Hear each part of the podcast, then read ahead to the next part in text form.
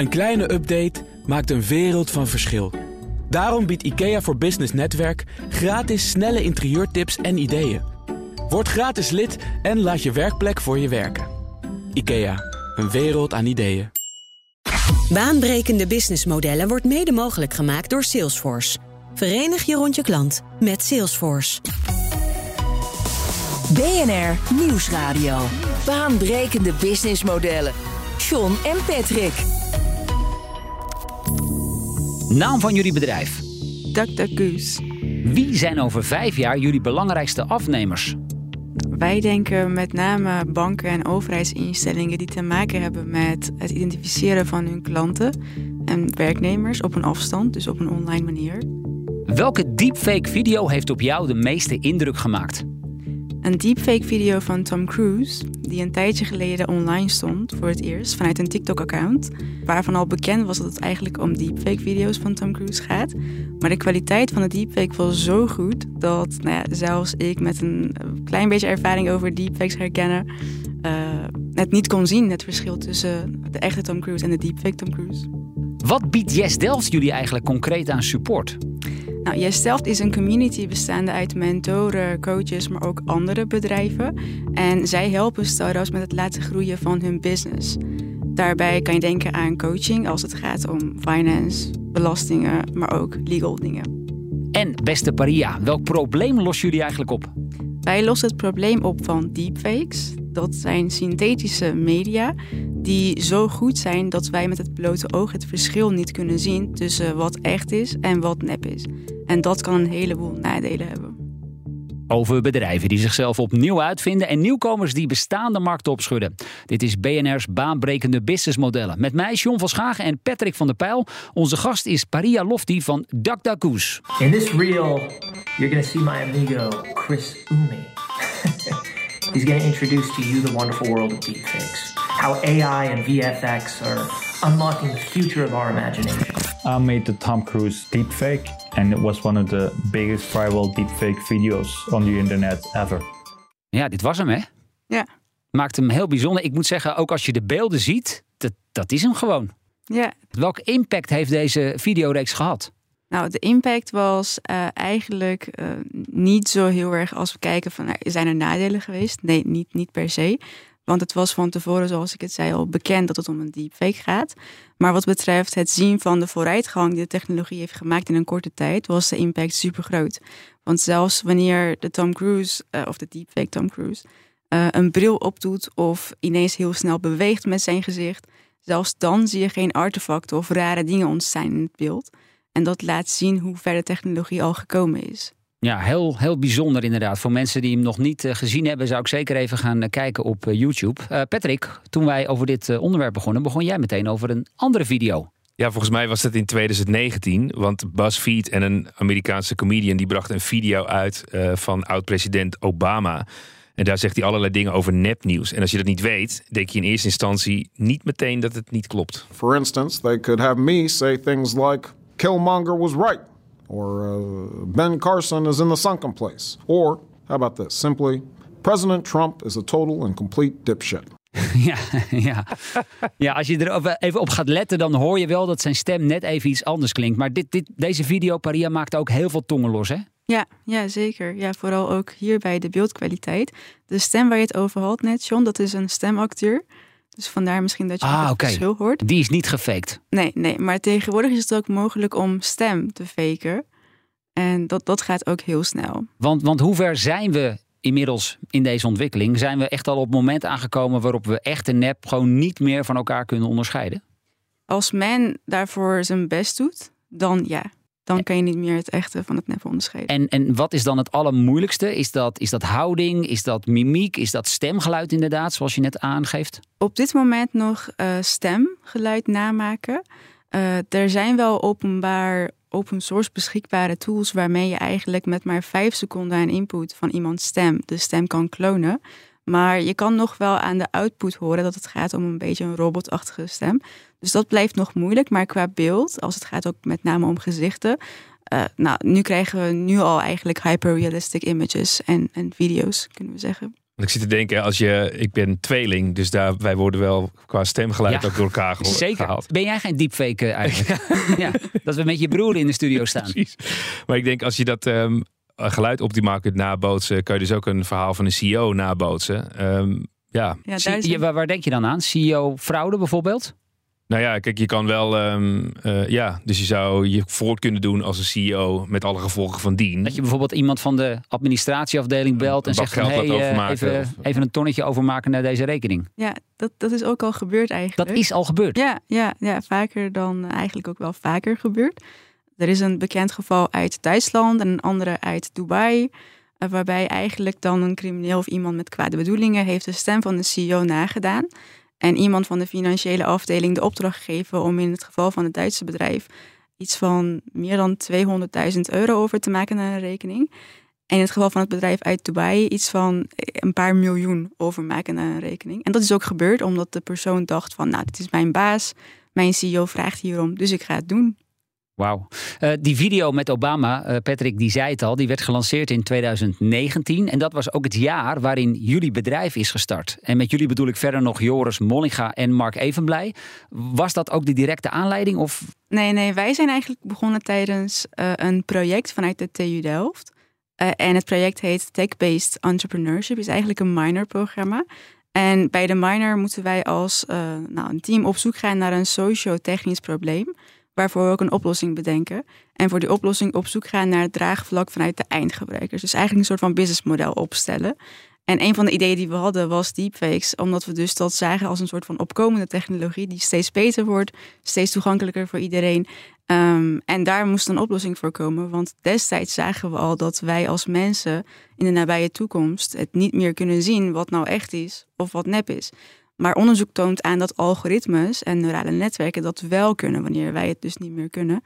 Ehm, en zodoende zijn we begonnen eh, vanuit een eh, nou, theoretisch kader, zou je kunnen zeggen. En na de minor, dus dat is dan na zes maanden in maart eh, 2020, dachten we van, nou, we hebben al een werkend prototype. En een aantal eh, grote instellingen die potentieel klant zouden kunnen worden. Dus laten we kijken of we hiervan echt een nou, start-up kunnen maken. Gewoon een echt een deepfake start-up met deepfake eh, businessplan en businessmodel. Ja, en nu hebben jullie dus inmiddels eh, een tool om deepfake materiaal te herkennen. Ja. Zonder eh, eh, super diep de techniek in te gaan duiken, want daar gaan we zeker luisteraars mee verliezen. Maar hoe werkt die? Nou, het is eigenlijk een systeem gebaseerd op uitlegbare kunstmatige intelligentie. En dat houdt in dat we eh, niet alleen klassificeren of een beeld een deepfake betreft of geen deepfake, maar dat we ook daarnaast visueel zichtbaar maken aan welke elementen in het beeld onze tool kan zien dat het een deepfake beeld is. En dat noemen we dus de uitlegbare eh, component van de tool.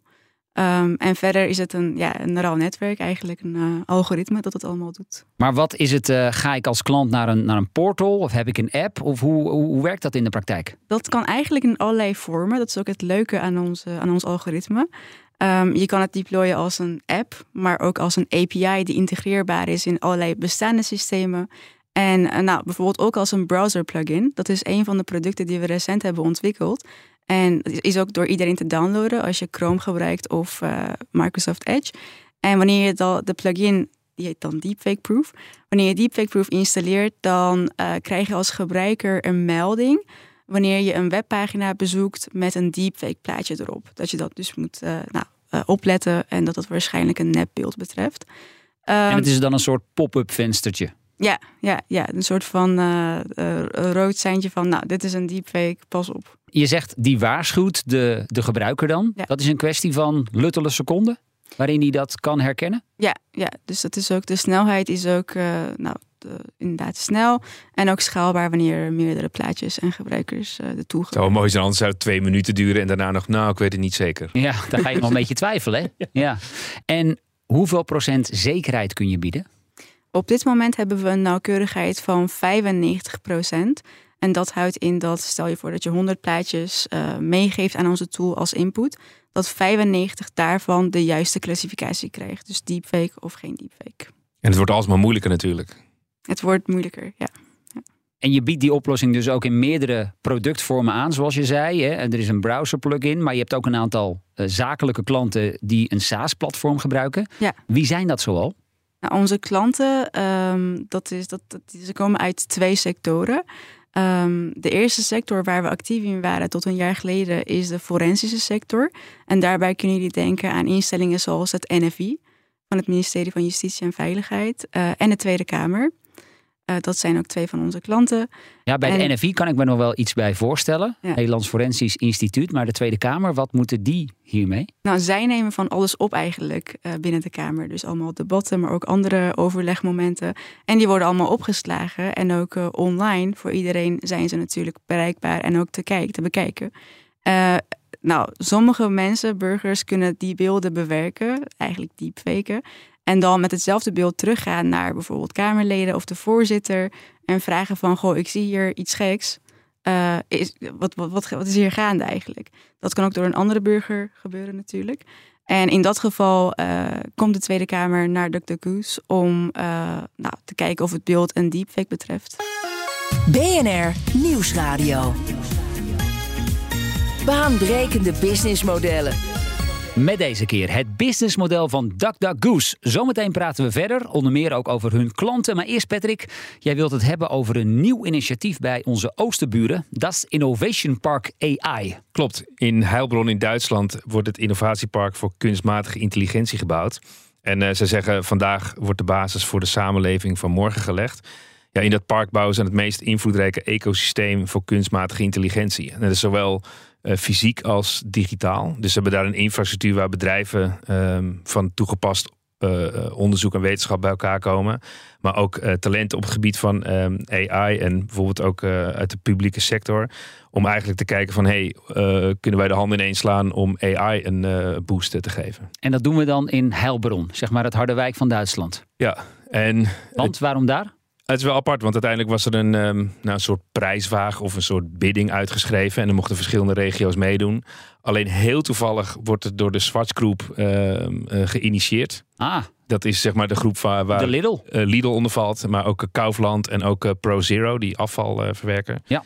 En um, ja, toevallig is het uh, aan hen gegund. Uh, en heeft daar die uh, lokale overheid 50 miljoen geïnvesteerd. En die zwartsgroep ook eens 50 miljoen. En uiteindelijk gaat er nog eens een keer een miljard geïnvesteerd worden. Maar het is echt bizar. Ik ben daar geweest. En wat er interessant is, dat ze bijvoorbeeld ook opstellingen hebben met een kleine supermarkt. Waar ze eigenlijk AI gebruiken om af te rekenen. En ze weten ook net als Amazon Go, dat is nog kostbaar.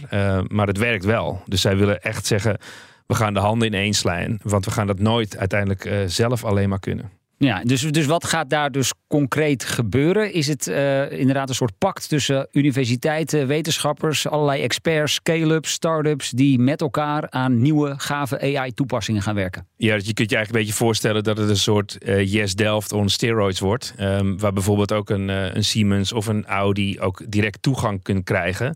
Uh, om niet alleen maar zelf de AI-deskundigen aan boord te halen en daar iets mee te doen, maar het gewoon gezamenlijk te gaan doen. Nou, lijkt me aardig voor uh, binnenkort wellicht een uitje met de hele boord van je bedrijf naar uh, Heilbron dus. Leuk en leerzaam bovendien.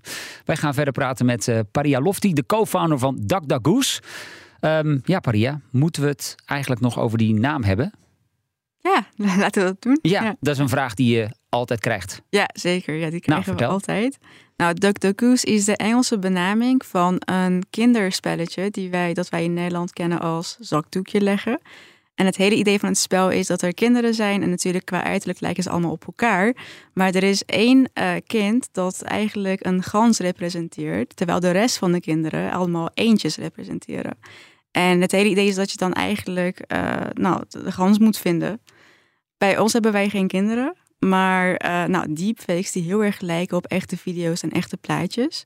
En nou ja, vandaar dat wij ook zeggen van duck, duck, goose, we can tell the difference. Omdat je met onze tool het verschil, dus de gans eigenlijk, deepfake kan vinden. Is die naam niet echt briljant? Ja, vind ik wel. Ja, ik ja, vind het ook hij, heel blijft goed wel hangen, gevonden. Ja. Ja. Hey, en dan lijkt me ook dat timing altijd een, een essentieel belang is hè, als je een nieuwe tool lanceert.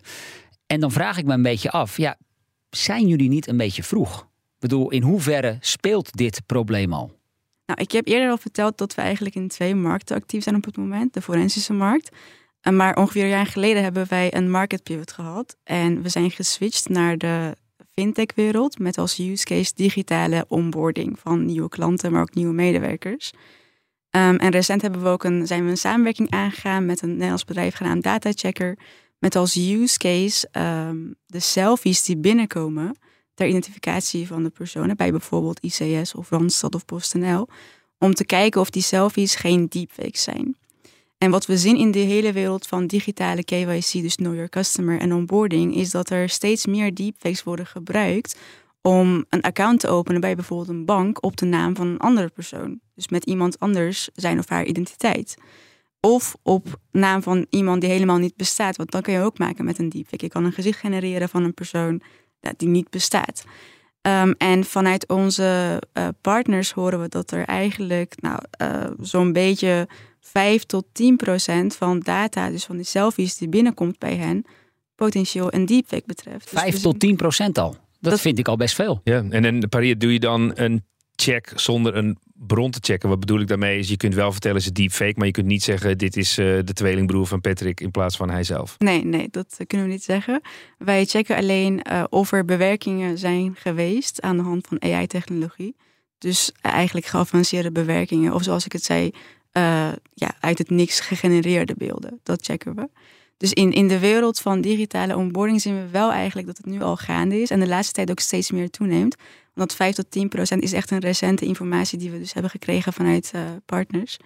En wat beogen die fraudeurs daar dan mee te doen? Nou, uh, stel je voor je hebt een account op uh, nou, mijn naam en je wilt geld stelen van een bank. Nou, dat zou je dan makkelijk kunnen doen, want je wordt ook niet vervolgd. Ik word misschien vervolgd. Of stel je voor je wilt geld witwassen. Dat doe je dan heel makkelijk als je een account hebt op de naam van iemand die niet bestaat. En zodra je een bankaccount hebt op de naam van iemand die niet bestaat, of in ieder geval niet jezelf, kan je ook uh, een uh, cryptocurrency exchange account openen. Je kan allerlei, dus je kan eigenlijk een eigen leven gaan leiden, uh, nou, online en dan allemaal Een soort deepfake second life-achtig typetje. Ja, ja, ja, ja. zo'n synthetic identity creëren en daarmee alles doen wat niet mag en toch niet worden vervolgd. En help eens even met geld witwassen. Dat betekent als ik een deepfake profile aanmaak, um, dan stort ik daar geld op. Dat, dat, dat zou een manier kunnen En als het dan weer, dan, dan hoef ik niet meer over de afkomst te hebben daarna. Uh, nou, waarschijnlijk ja, jij niet meer, omdat uh, jij niet traceerbaar bent. Ja, en, en eigenlijk is jouw businessmodel heel interessant, omdat je eigenlijk kunt spreken over follow the problem.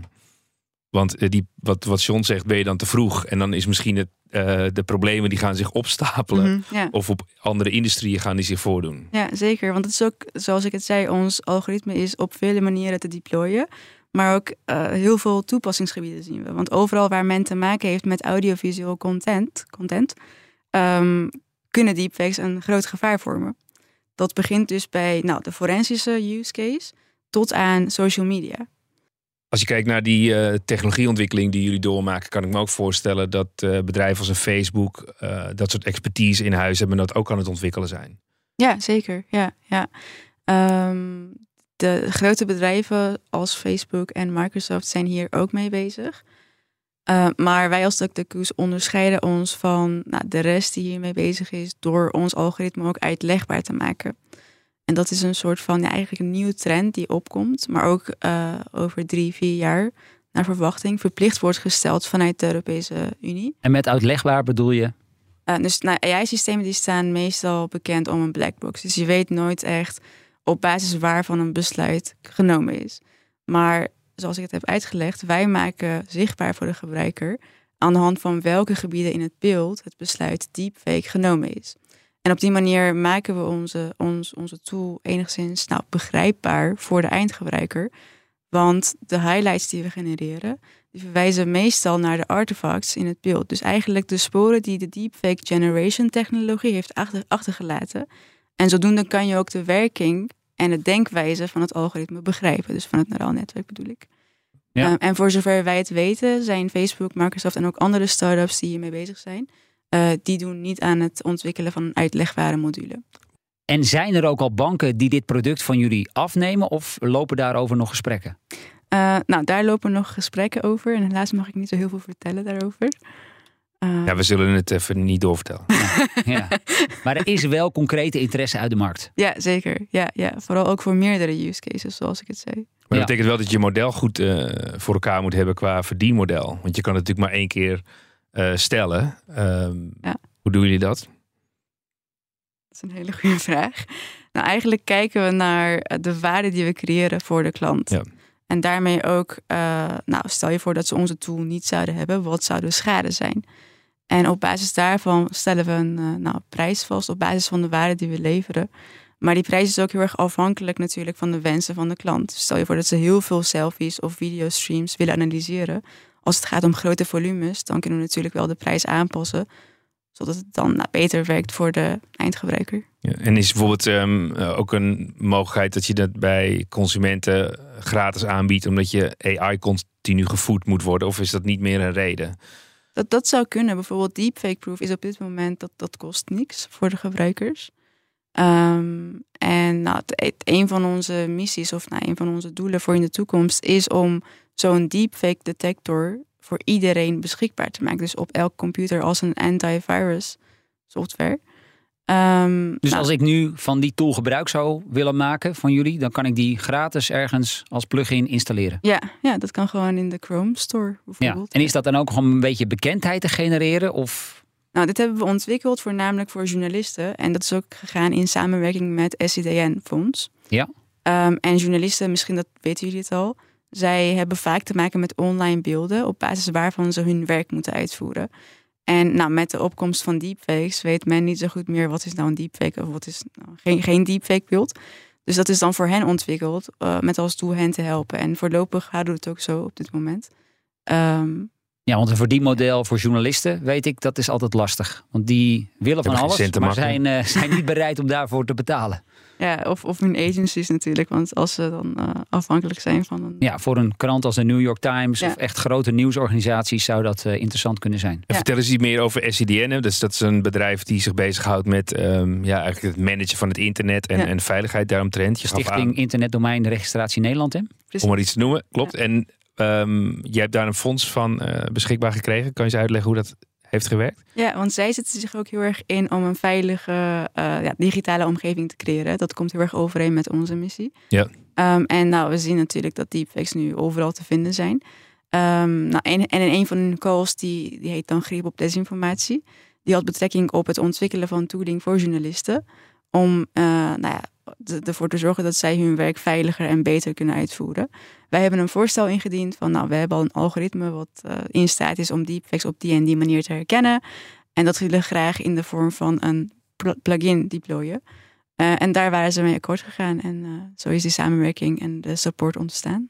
En zie jij in de toekomst misschien nog wel bereidheid in die particuliere markt om voor jullie oplossing te betalen? Of ja, zeker. Jawel? Ja, ja. Op wat voor manier? Uh, want dat is ook onderzocht met een, uh, nou, een bank uit Nederland. Uh, het is gebaseerd op hun marktonderzoek. we zien dat er wel onder de consumenten op dit moment, ook met name mensen die geïnteresseerd zijn in technologie, wel ja, bereidheid bestaat om te betalen. Niet heel veel, maar wel nou, een aantal euro's per maand om te betalen om gebruik te mogen maken van een dienst als die van ons. Dus dat je dan een plaatje uploadt bijvoorbeeld ergens in een online omgeving of een YouTube-link met een video. En dat je dan het resultaat terugkrijgt van dit is een deepfake of geen deepfake beeld. Dus die, die bereidheid is er wel, zien we. Ja, zeker. wat ik wel interessant vind aan dit verhaal, Patrick, is dat we hier een oplossing zien voor een probleem dat er wel al ergens speelt, maar ja, voor het grote publiek nog een beetje onder de oppervlakte blijft. Hoe kijk jij naar de toekomst? Want over vijf of tien jaar dan is dit misschien wel dit probleem nog veel groter geworden. Ja, het is eigenlijk wel een heel atypisch probleem. Uh, oftewel, dat komen we niet vaak tegen in de businessmodellen. Dus aan de ene kant kun je een beetje denken aan bepaalde verzekeringsachtige producten. Want je verzekert je voor een vervelend of tegen een vervelende gebeurtenis. Ehm, maar dat is vaak ook weer lage interesse. Eh, dus dat is één kant.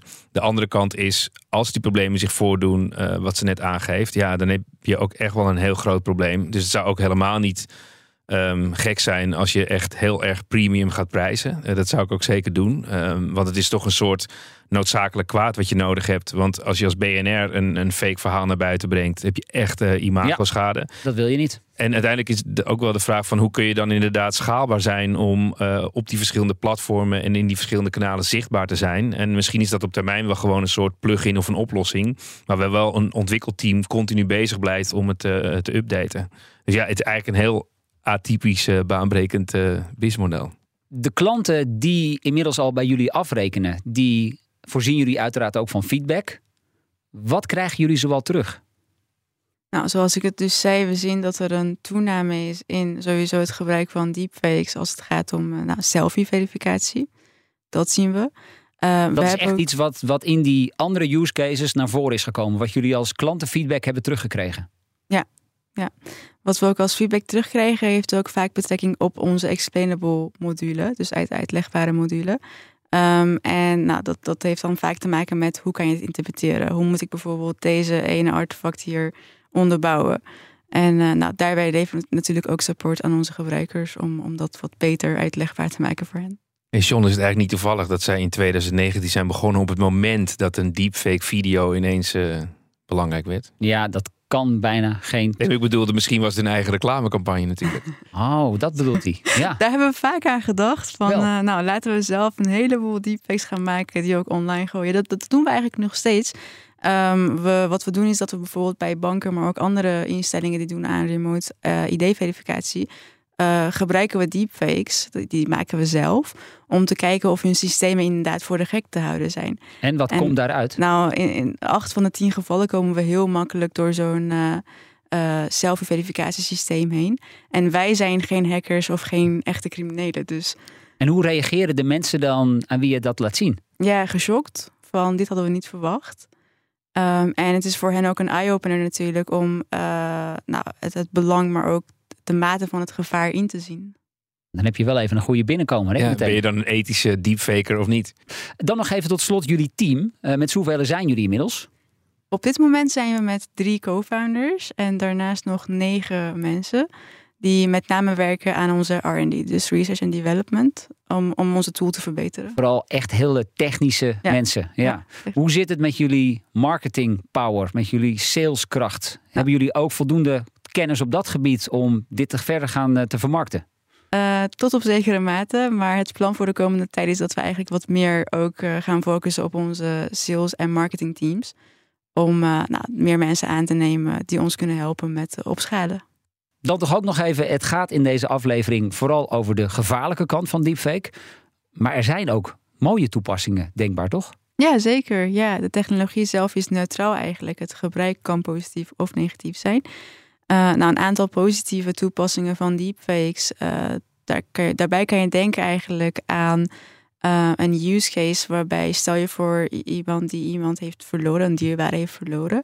Aan de hand van een deepfake beeld van de persoon die is overleden, kan je dan de nabestaanden eigenlijk een soort van therapie geven.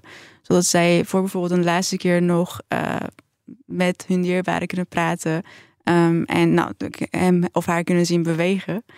Uh, dat is een van de use cases. Maar ook een andere use case uh, waar nog onderzoek wordt naar gedaan. Is stel je voor dat er een persoon is die bijvoorbeeld een beetje angstig is om naar buiten te gaan. Nou, je kan die persoon met deepfake technologie eigenlijk dan laten zien van hé, hey, dit ben jij, je loopt buiten, zie je zelf. En dat helpt dan de persoon die dus uh, die een beetje angst heeft om naar buiten te gaan, voor zichzelf te zien van nou, ik loop buiten. Want daar heb je dan beeld bij. En uh, nou, dat helpt dan de persoon om eigenlijk ook daadwerkelijk naar buiten te kunnen gaan. Maar ook een van de belangrijkste toepassingen van uh, deepfake technologie in het bedrijfsleven is dat je dan natuurlijk, we hebben de GDPR tegenwoordig, de AVG.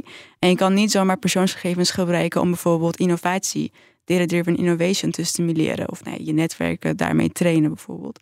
Wat uh, zo'n deepfake technologie kan doen, is dat hij dan de data kan namaken. Dat kan van alles zijn kan visueel zijn, maar ook gewoon eigenlijk textueel. En de data die is nagemaakt, die is niet meer GDPR of AVG gevoelig. Het is niet meer privacy gevoelig. Dus die data kan je nou zomaar gebruiken om je technologieën verder te verbeteren. Dat is dan dus ja, aan de hand daarvan kan je dus de data gedreven innovatie stimuleren. En, Ik hoor het al. We ain't seen nothing yet. Zoveel is duidelijk. Paria Lofti van uh, DuckDuckGoose, dankjewel voor dit gesprek. En veel succes daar met de verdere ontwikkeling en uitrol in Delft. Uh, Patrick en ik zijn er uiteraard volgende week weer. En wil je voor die tijd al meer luisteren? Check dan ook onze andere afleveringen die je vindt op vrijwel alle bekende podcastkanalen. Tot volgende week. Baanbrekende businessmodellen wordt mede mogelijk gemaakt door Salesforce. Verenig je rond je klant met Salesforce. Een kleine update maakt een wereld van verschil. Daarom biedt IKEA voor Business Netwerk gratis snelle interieurtips en ideeën. Word gratis lid en laat je werkplek voor je werken. IKEA, een wereld aan ideeën.